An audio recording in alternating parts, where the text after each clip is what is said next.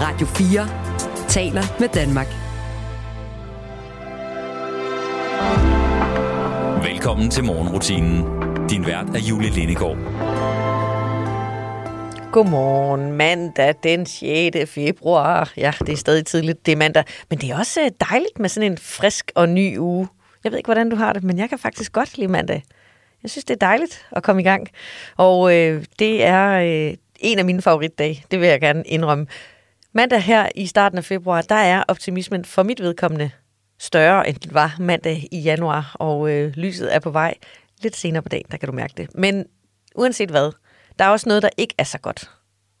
Fordi nu er vi kommet cirka en måned fra nytår, og hvert år til nytår, der står jeg klar med en liste så lang med nytårsforsætter. Ting, der skal forandres.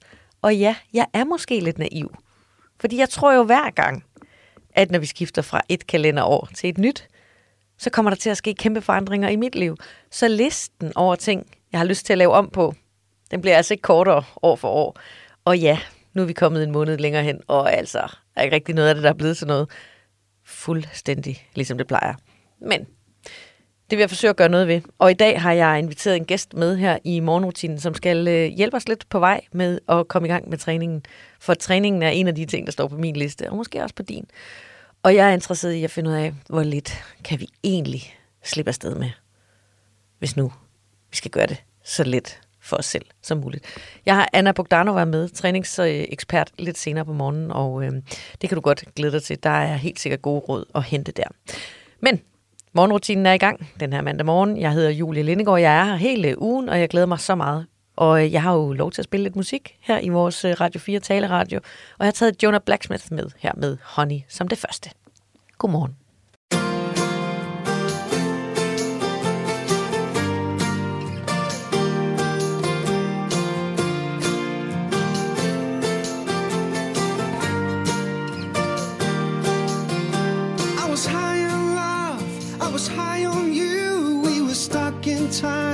And the time didn't move. It was you and I, only you and I.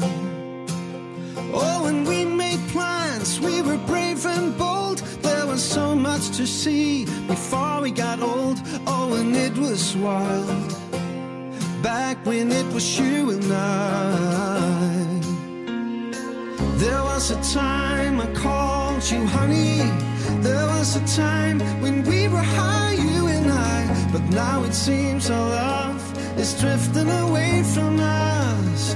Mm, so if we don't realize there's a way back to you and I. Yeah, there was a time I called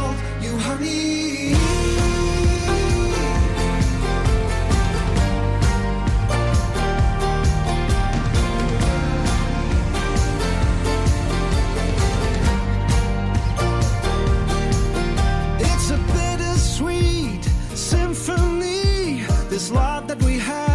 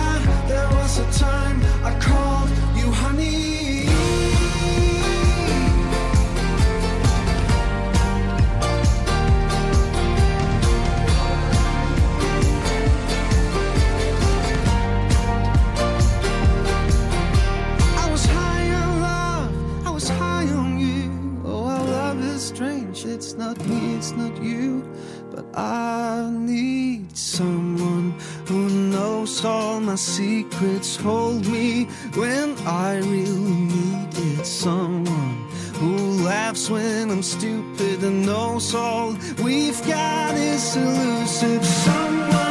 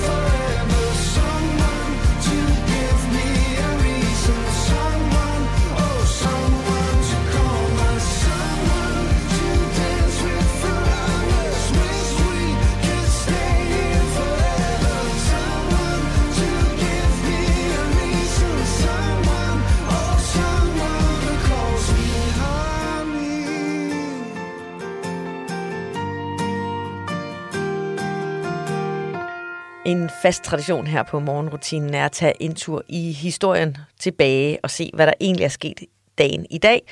Og jeg vil også sige, det er også en form for et kaninhul, fordi når man først begynder at sidde og søge og læse og lade sig føre med, så er det nærmest som et kaninhul, hvor gangene bare forgrener sig fra det ene til det andet. Min tur i historien i dag startede med Rick Astley. Han fylder nemlig 57 år i dag, og det vender jeg lige tilbage til. Men det, der jo slog mig med Rick Astley, det er, han er tit citeret for at sige, at han har Danmark som sit andet hjem. Og det har han, fordi han er gift med øh, filmskaberen, filmproducenten Lene Bausager, som øh, måske øh, ikke er så kendt her i Danmark, men hun har faktisk skabt nogle ret succesfulde film, blandt andet Rembrandt-filmen, hvor Lars øh, Brygman spiller hovedrollen. Det er sådan en dansk kubfilm fra 2003. Sådan en moderne Olsenbanden, kunne man godt sige. Og øh, det var mesteren Anders Thomas Jensen, der har skrevet det meget, meget humoristiske og spidsfindige manuskript. Hun har også stået bag Lene Bagsager Oh Happy Day, som er en komediefilm fra 2004. Det er Hella Juf, der, står, øh, der har instrueret den. Og øh, det øh, var historien om Hanna, der synger i det her lille kor. Og øh, da dirigenten forlader koret, så overtager øh, Kirsten, en af de andre i øh, koret, posten, men øh, Hanna får lukket den her eksotiske korleder Moses, som kommer fra et stort gospelkor, ind og instruerer og dirigerer deres øh, kor. Hun bliver selvfølgelig forelsket i Moses, og hendes liv tager en afgørende drejning, men øh, alligevel så ender hun tilbage. Moses han tager til hen til sin familie, og Hanna kommer hjem. Og den her historie, Oh Happy Day, er en vidunderlig provinshistorie, og øh, alligevel en fantastisk sjov og øh, hyggelig, dejlig film. Og altså, det er Lene Bagsager, der står bag de her øh, film, og hun er altså, som jeg fik sagt indledningsvis, gift med Rick Astley. Han var i Danmark sidste sommer, hvor han spillede på Smukfest, og øh, han har altså tidligere sagt, at han betragter lidt Danmark som sit andet hjem, fordi han er dansk gift og har været her mange, mange gange. Rick Astley, han øh, blev jo kæmpe idol i 80'erne og i starten af 90'erne, hvor han var øh, helt ung og øh, bragede igennem på musikscenen. Men så forlod han øh, musikken, pensionerede sig selv som 27-årig efter Never Gonna Give You Up og Together Forever. Han pensionerede sig selv, fordi han simpelthen ikke kunne se sig selv i musikken, og så gik der jo nogle år, og så vendte han alligevel tilbage i 2001 og øh, kom tilbage med albumet Keep It Turned On. Han udgiver stadigvæk musik, han tager stadigvæk på øh, turné. Han var som sagt på Smuk Smukfest sidste år, og øh, han er still going strong. Og nu er han også her i din morgenrutine. Så øh, tillykke med dagen, din gamle svinger. Her får du et nummer med Rick Astley.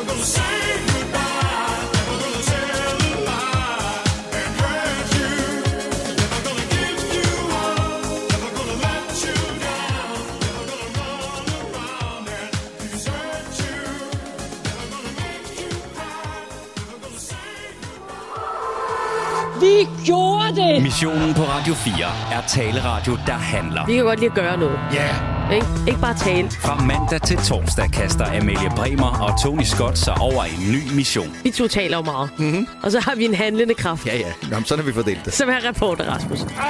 Når det rigtig bliver svært, så siger vi, og nu stiller vi over til dig, Rasmus. det skal du gøre. Lyt til missionen mandag til torsdag fra 15 til 17. Radio 4 taler med Danmark.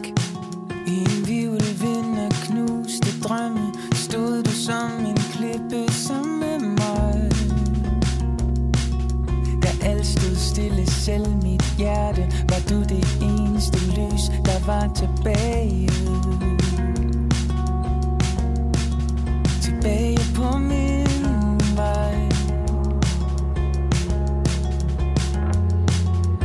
Vinterstøv endnu en nat fuld af larm. Snif nu mod det frostblå hav. Min sol formørkede alt for længe. En ørkenvandring uden ende.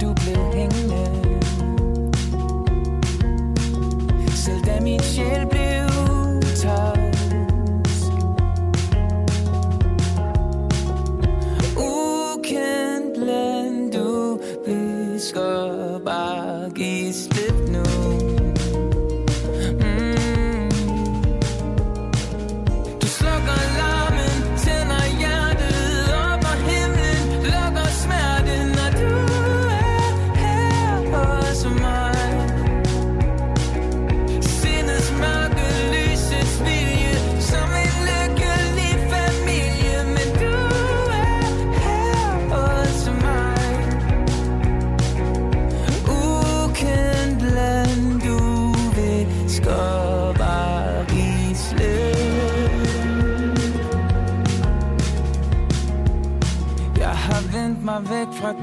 sociale spejl. Pludselig ser jeg tydeligt, hvem jeg er.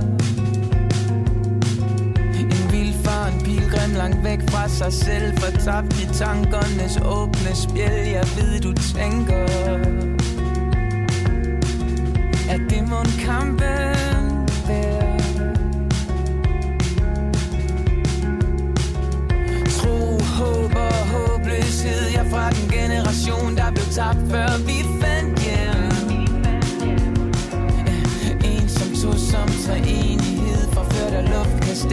der styrer dig ned med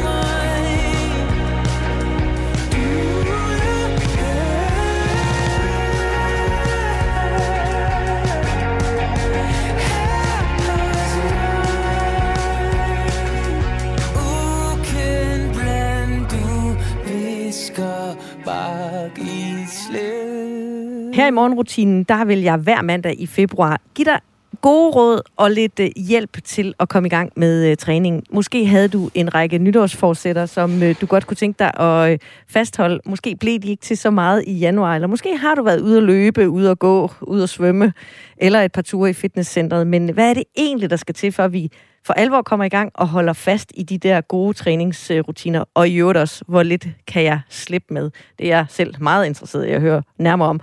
Og til at blive lidt klogere på det, der har jeg her til morgen inviteret Anna Bogdanova med.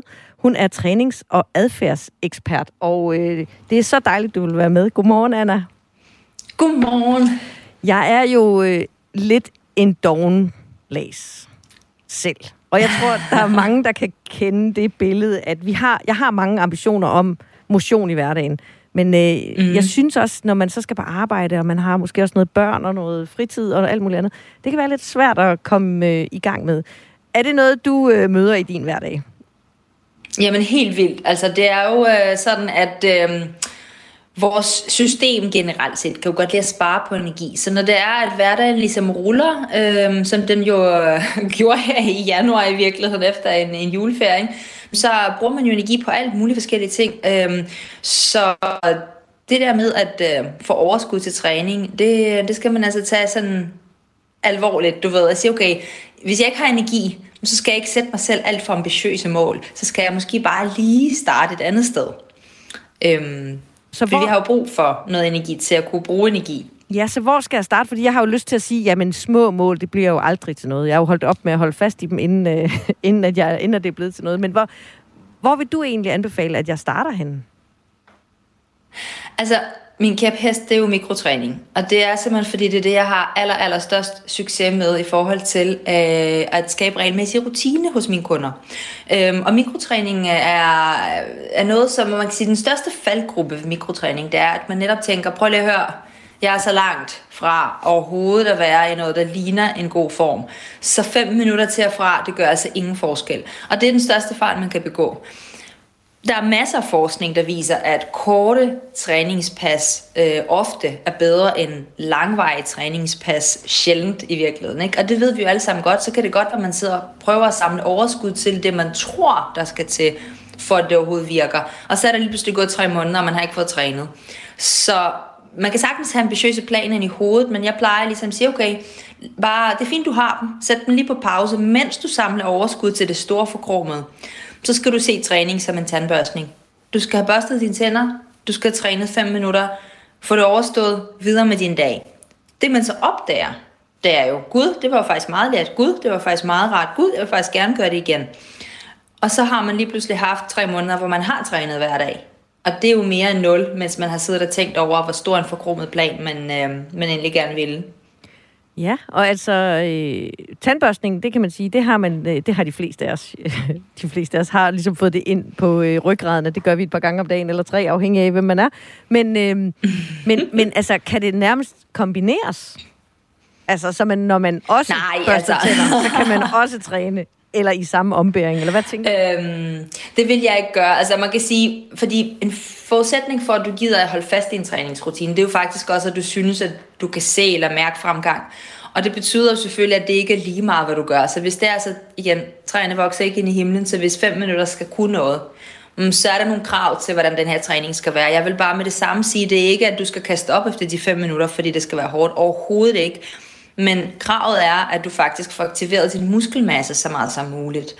Og det handler ikke om at syre til, det handler faktisk om at få kontakt. Så det er noget med ned med tempoet og op i kvalitet, op i spænding, op i power og eksplosion. Så bare for eksempel øh, fokus på at øh, lave nogle meget grundige squats, benbøjninger. Du spreder ballerne på vej ned, og du begynder at hive dig selv ned, og når du skal op, så skal du skubbe jorden væk fra dig og skrue benene i gulvet. Bum, stå op, som om du lige er klar til at modtage et karatespark. Okay, men så har du sådan, så har du primet din krop til, at der er lidt mere spænding, lidt mere power, du mener lidt mere. Så behøver du kun nøjes med tre gange fem gentagelser, eller fem gange fem gentagelser med pauser, og så er du faktisk altså rigtig godt kørende. Og kan alle gøre det her? Fordi jeg tænker jo, at det, det er jo nemt, hvis man er øh, 25 eller 35 og i sådan okay form. Men hvis man nu er, har været syg eller er blevet øh, kommet op i årene, og hvor man en, ens muskelkraft den ikke er så stor mere, øh, er det så øh, også vigtigt, at man gør de her ting? Ja, det gør det er faktisk rigtig vigtigt, øh, at det er, at det er sådan, øh, ikke at male fanden på væggen livsfarligt at udsætte, fordi at der er kommet, altså, man ved jo godt, at muskelmassen den forsvinder med alderen, hvis ikke man vedligeholder den med tilstrækkelig belastning. Og, og det er noget af den forskning, der ligesom er kommet, blandt andet fra Københavns Universitet, det viser, at det ikke kun fordi, at muskelmassen ligesom svinder ind, det er fordi, at nervesignalet fra hjerne til muskler bliver dårligere, så man mister de her nerveforbindelser til musklerne. Så dem skal vi jo have gang i, dem skal vi jo have tændt, fordi hvis ikke vi bruger, hvis ikke vi belaster os selv tilstrækkeligt, hvis ikke vi anstrenger os tilstrækkeligt, og anstrenger os, lad os bare sige, at altså, glem squats, stil dig op ad en væg, og læg hænderne på den, sådan så du kan mærke, at håndfladerne er fuldstændig, de er sådan lidt i brysthøjde, og du tager armhulen ned mod hoften, og så skubber du til væggen, og så skruer du armene sådan hver sin vej væk fra kroppen, som om du har to store knapper, du skal skrue på. Okay, og så giver du den alt, hvad du har derfra med at skubbe til den væk. Nej, den flytter sig selvfølgelig ikke, men du skal mærke, at du forsøger at flytte den, og det er jo en markant større anstrengelse end en hverdagsanstrengelse. Så meget skal der til for at tænde for de her muskel øh, nervekontakter. Ja. Øh, og hvis ikke vi ligesom tænder for dem, det er use it or lose it, de forsvinder, så forsvinder muskelmassen, og så er det, at, at det er faktisk muskelmassetab, der driver rigtig mange af de inflammations- og livsstilssygdomme. Øh, det kan godt være, at der kommer noget fedt på derudover, og så er der jo mange af os, er jo sådan konditioneret til at tænke, jamen jeg skal tabe mig, jeg skal tabe mig, jeg skal tabe fedt, og det er derfor, jeg har en masse problemer. Nej, nej, du skal tage muskelmasse på, eller i hvert fald holde fast på din muskelmasse, fordi så holder du også overflødige fedtdepoter for døren, og så sørger du netop for at være frisk og frejdig langt op i alderen. Anna, vi skal snakke mere om det her, og du skal give et par gode råd til, hvordan man kommer i gang, uanset hvor gammel man er, når vi lige har hørt det her stykke musik.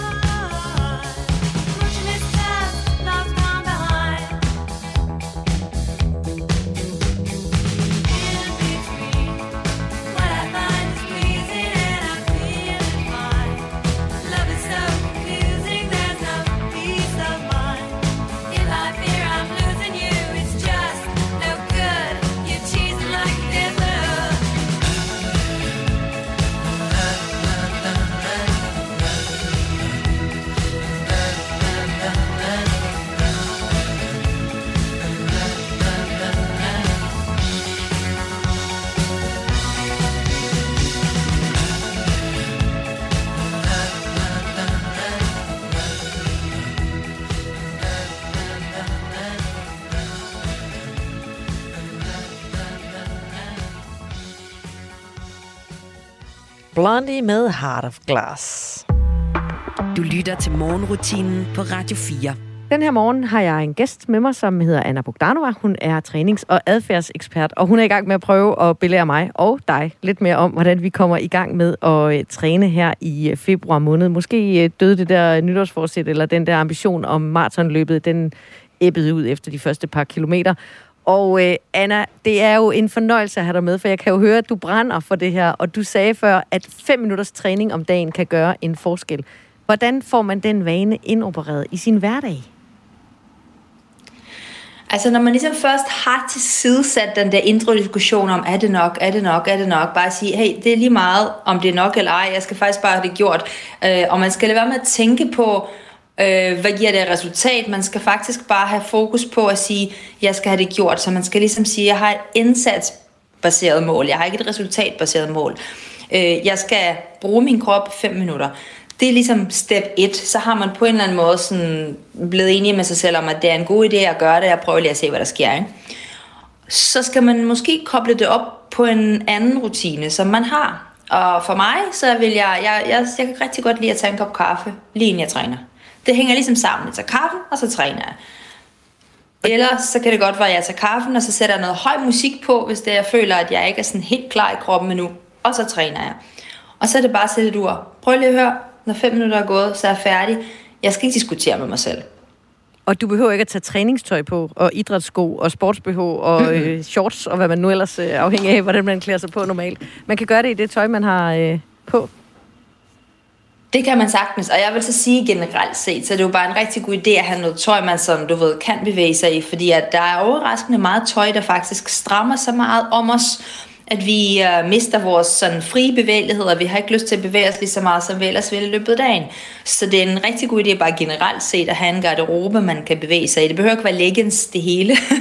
man kan godt få jeans med stretch, og man kan også godt øh, squat i en nederdel. Øh, men hvis man bare ligesom ruller ud af sengen, og man har uh, pyjamas på, eller overhovedet ikke noget, whatever, så kan man måske også bare sige, hey, før jeg overhovedet kommer videre, så kan det godt være, at jeg lige laver de her benbøjninger ned til min seng og op igen, og ned til min seng og op igen, og så har man lavet det, og så er man videre i teksten. Så har man fået det gjort.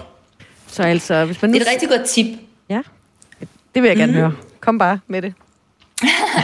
Et rigtig godt tip, det er faktisk at få det gjort så tidligt om morgenen som muligt. På den ene side, både fordi, at du når ikke at tænke dig om, Altså, det er sådan, din hjerne når ikke at vågne, så gør det, mens den stadigvæk sover lidt. Øh, men for det andet, det er faktisk, at når du starter din morgen med træning, så vil du opdage, at du for det første har mere energi resten af dagen, og for det andet, så får du faktisk lyst til måske at gøre det igen om eftermiddagen. Jeg har det sådan, at hvis jeg har sprunget morgentræning over, så kan jeg godt komme til at diskutere næsten hele dagen med mig selv om, hvornår er det så tid til at gøre det. Og så lige pludselig så klokken 16, når man er bare sådan, ej nu gider jeg ikke, ej nu har jeg ikke energi til det så få det overstået så tidligt som overhovedet muligt, fordi så slipper man også for at bruge energien på den der evindende diskussion med sig selv om, er det nu? Nå nej, er det nu? Nej. Er det nu? Nej, er det for sent? Ja, det, den diskussion kender jeg udmærket godt. Anna, hvad er det, din, øh, dine kunder siger til dig, når du øh, beordrer dem kun at lave øh, fem minutters træning øh, i starten? Hvad er det for nogle resultater, eller hvad er det for nogle forandringer, du ser? Altså, der sker jo nogle øh, ret vilde forandringer faktisk, fordi at øh, når man begynder at se træning som øh, for det første noget, som skal ske hver dag, noget regelmæssigt, når man opdager, hvor meget regelmæssighed i sig selv gør, og selvfølgelig også fremgang, altså sådan, så du fra uge til uge prøver at udfordre dig selv lidt mere. Det kan godt være, at du giver den mere gas, du kommer lidt længere ned i en bevægelse, eller du har lidt mere spænding på, eller du tager lidt tungere vægt, eller whatever. Det der med, at man sådan hele tiden forsøger at udfordre sig selv lidt. Men regelmæssigheden gør jo, at man opdager, Gud, der skal faktisk ikke så meget til, bare jeg gør det regelmæssigt. Og det er lidt, altså, hvis vi går tilbage til tandbørstning, ikke? det er jo lidt det samme, så kan det godt være, altså, øh, da jeg begyndte øh, for nogle år tilbage at bruge eltandbørste, øh, efter en sådan for, meget venlig anbefaling fra min tandlæge, så gik det et halvt år, og så brugte ligesom den her tandbørste, ligesom jeg plejer at bruge en almindelig tandbørste, bare det samme, bare eltandbørsten. Så kom jeg tilbage, og så hun sådan, gud, hvor ser dine tænder pæne ud, pæne ud. Der er slet ikke brug for tandrens. Så var jeg sådan, gud, hvad? Hvad? Okay, når man, det er jo meget fedt. Så opdager man bare, at jeg gør det regelmæssigt og med god kvalitet. Så behøver jeg ligesom egentlig ikke de her store, vilde tiltag, som man kan have en idé om, at man har brug for uger og bootcamp og uger og maraton og sådan noget. Mindre kan gøre det, hvis bare du gør det regelmæssigt. Anna Bogdanova, tusind, tusind tak for den øh, lille opsang, regelmæssighed og øh, bedre lidt kvalitet, og så gør det godt, end øh, slet ikke at gøre noget. Det må trods alt også øh, være en del af pointen. Og øh, jeg er virkelig glad for, at du også lige har løftet den der maraton-ambition øh, af skuldrene på mig. Så øh, jeg nøjes med lidt øh, træning i hverdagen. Og bare, altså bare lige et sidste tip, ikke også? Hvis jeg har tid til det. Det har du. Kom bare. Prøv lige at høre, altså apropos kvalitet, det kan være svært at ligesom finde ud af, hvad er god kvalitet, og man kommer ikke til at gøre ting perfekt fra starten af, så man skal ligesom have mere fokus på intention frem for perfektion. Og intention skal være, prøv at forestille dig, at du er en fjeder, og du skal ligesom mase dig selv sammen, og så skal du springe med fuld kraft. Så når du ligesom tænker den her fjeder ind i dine bevægelser, så er du allerede på vej til at udvikle mere kraft og få fat i mere af din muskelmasse. Det behøver ikke være mere svært end det. Bare ligesom forestil dig, at du er en fjeder. Du skal være helt mast, og så skal du bling, springe op så har du allerede fået mere ud af din træning. Jeg ser det allerede for mig, og jeg håber, at alle, der lytter med, de lige bøjer ned i knæene en gang, og helt langsomt ned, og så springer op, og dermed lige får vækket deres øh, benmuskler en øh, gang her til morgen. Anna, tusind tak, fordi du vil øh, være med her i morgentræneren, og jeg håber, du har lyst til at være med en anden god gang. Helt sikkert. God træning. Tak skal du have. Godmorgen.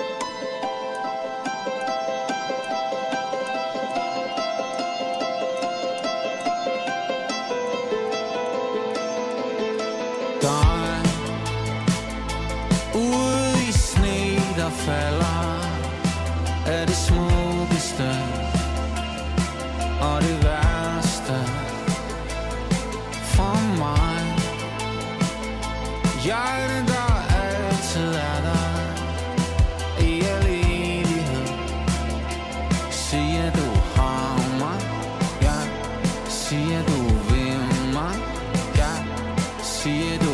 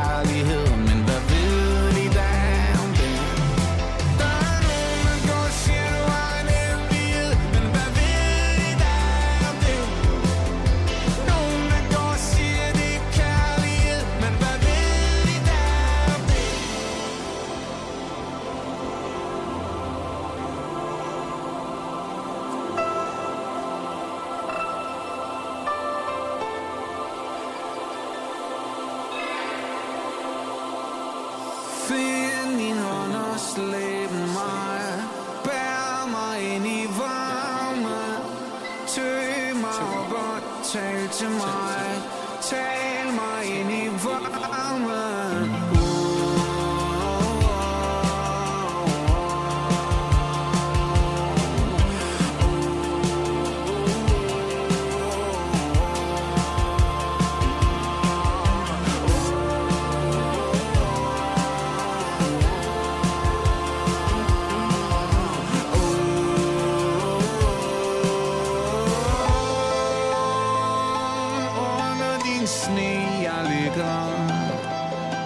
Men det ser du ikke Nej, det ser du ikke Der er nogen, der går og siger, du har en hemmelighed Men hvad ved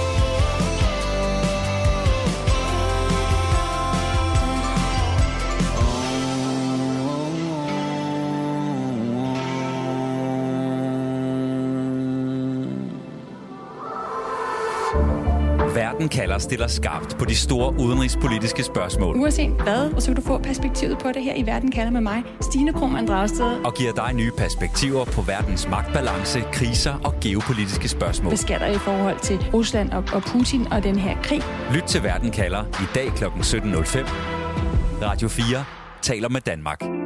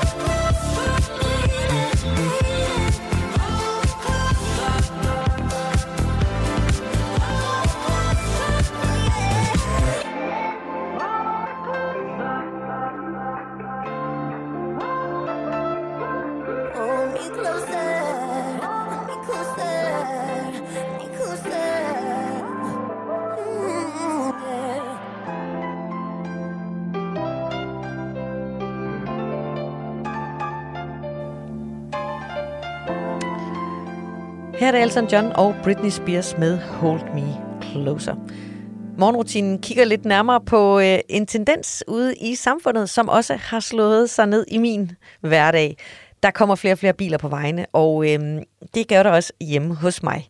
Jeg bor sammen med en øh, teenager, som øh, sidste år tog kørekort i den her øh, periode, hvor han som 17-årig må køre bil, mens jeg sidder ved siden af. Og det har jo været en øh, kæmpe fornøjelse at, øh, at være med på en tur. Men øh, jeg har også opdaget noget undervejs, for øh, ham her, der snart fylder 18, han øh, begyndte langsomt at sige, jamen når jeg fylder 18, så kan jeg jo lige tage bilen i skole, eller når jeg fylder 18, så kan jeg jo lige køre til det og det. Og i starten, der tænkte jeg, ja, det er jo det, der er det fede ved at få kørekort. Men langsomt, så gik det jo op for mig. Jamen, hvis du tager bilen, så kan jeg jo ikke komme nogen steder.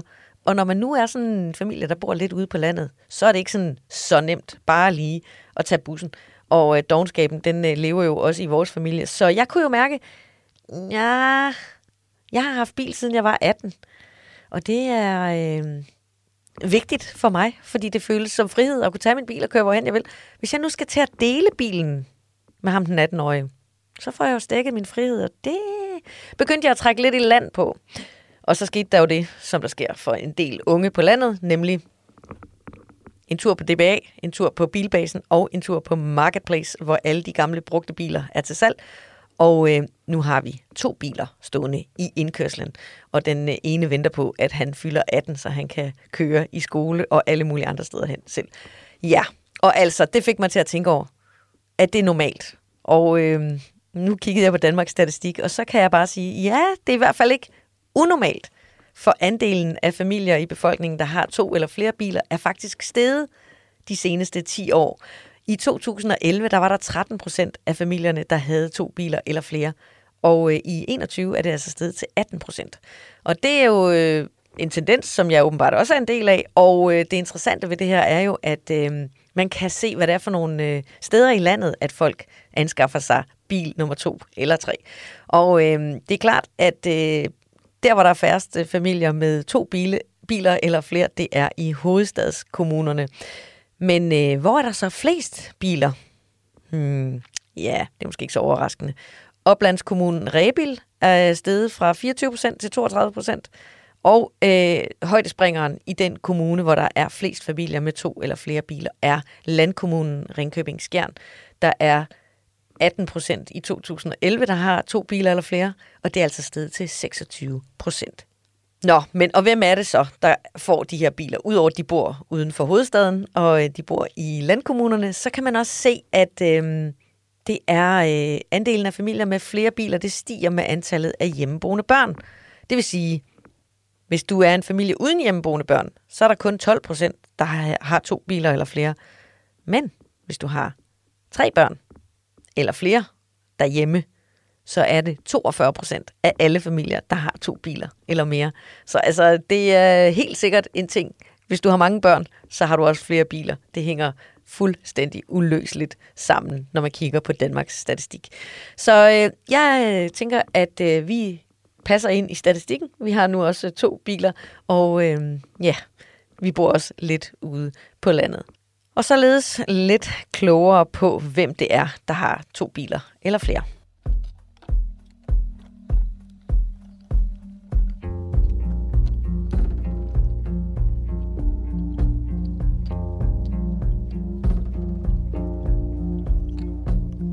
Du sparker lidt til døren, og jeg åbner den og siger det som det er. Jeg prøver selvom den jo er lidt svær. Taxamanden venter, jeg får det sidste på og gør dig klar. Vi øver os igen i morgen, sammen er det alt vi har. Nøj, hvor er det svært at stå på siden af sit liv vil nok aldrig forstå, hvad det er, du tænker på. Men når du skaber farver og af drømme, ud af kridt Kan du tegne hver en superhelt, du møder på din vej. Næste punkt på dagen, der skal snakkes lidt om, hvad vi kan og bør. Vil det egentlig gerne, men er bange for, hvordan man gør. De sidder der med deres fine titler, de kan sige, hvad de vil. For når de går i seng, så er det mig, der står og retter dynen til. Nøj, hvor er det svært at stå på siden af et liv. De vil nok aldrig helt forstå, hvad det er, jeg tænker på. Men spiller vi et vennespil med flere hundrede kort Kan du huske hver en sol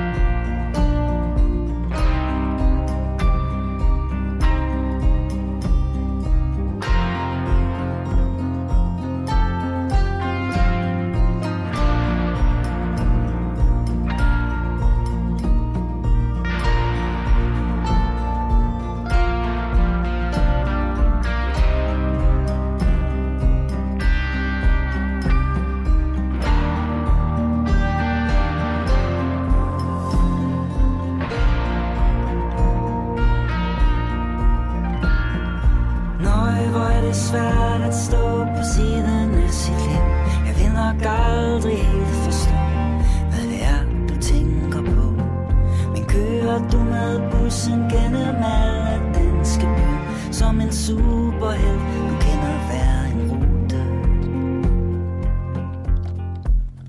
På din vej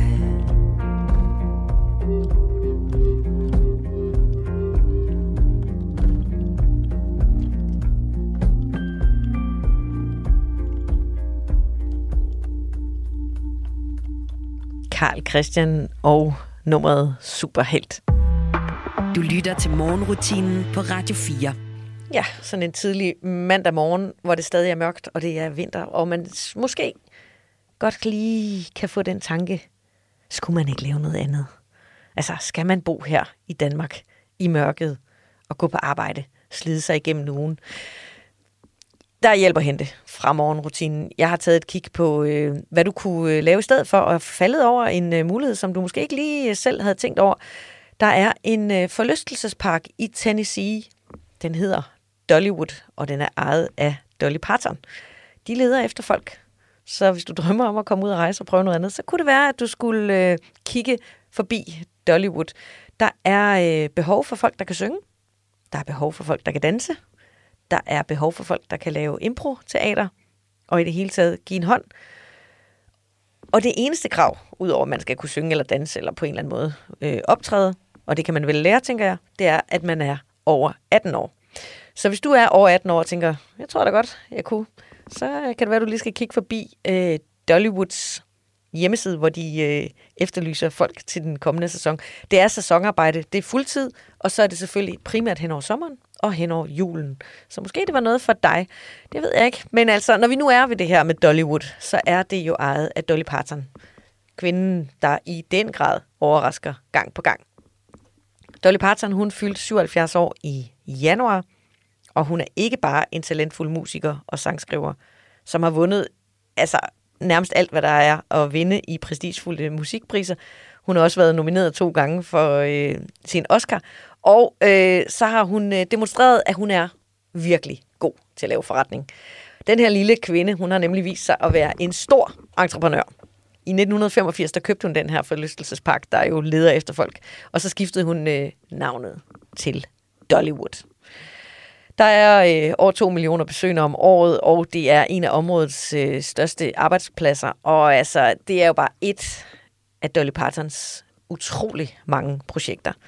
Hun har firmaet Dollywood Company, og der er øh, i den her portefølje af virksomheder, der er resorts og teatre og restauranter, og øh, hun har nærmest skabt sig et forretningsimperium. Og Dolly Parton har jo skrevet mere end 3.000 sange, og øh, hun er også kendt for at sige, it costs a lot of money to look this cheap. Ja, det koster mange penge at se billig ud. Og det er selvfølgelig et meget sjovt citat. Men der er altså også noget at lære hos Dolly Parton, synes jeg. For hun er også citeret for at sige, i begyndelsen var der nok mange, der ikke tog mig lige så alvorligt, som jeg selv tog mit talent.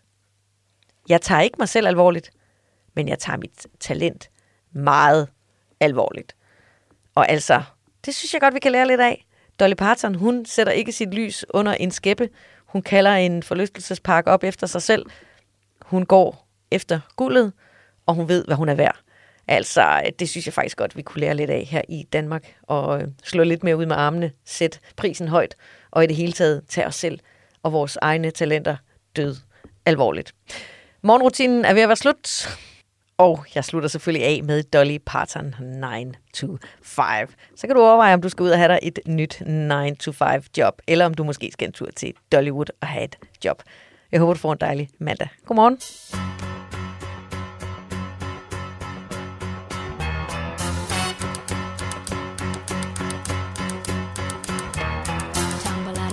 I stumble to the kitchen. Pour myself a cup of ambition and yawn and stretch and try to come to life. Jump in the shower and the blood starts pumping. Out on the streets, the traffic starts jumping with folks like me on the job from nine to five. Working nine to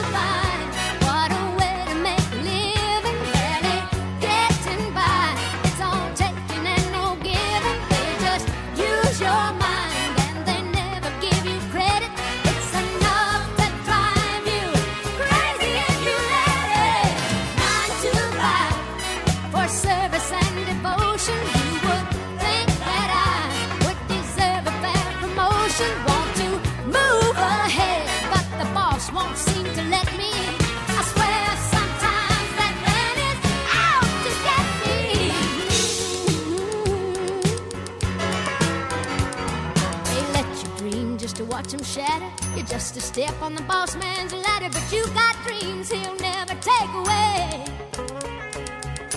In the same boat with a lot of your friends, waiting for the day your ship will come in and the tide's gonna turn and it's all gonna roll your way. Working nine to five.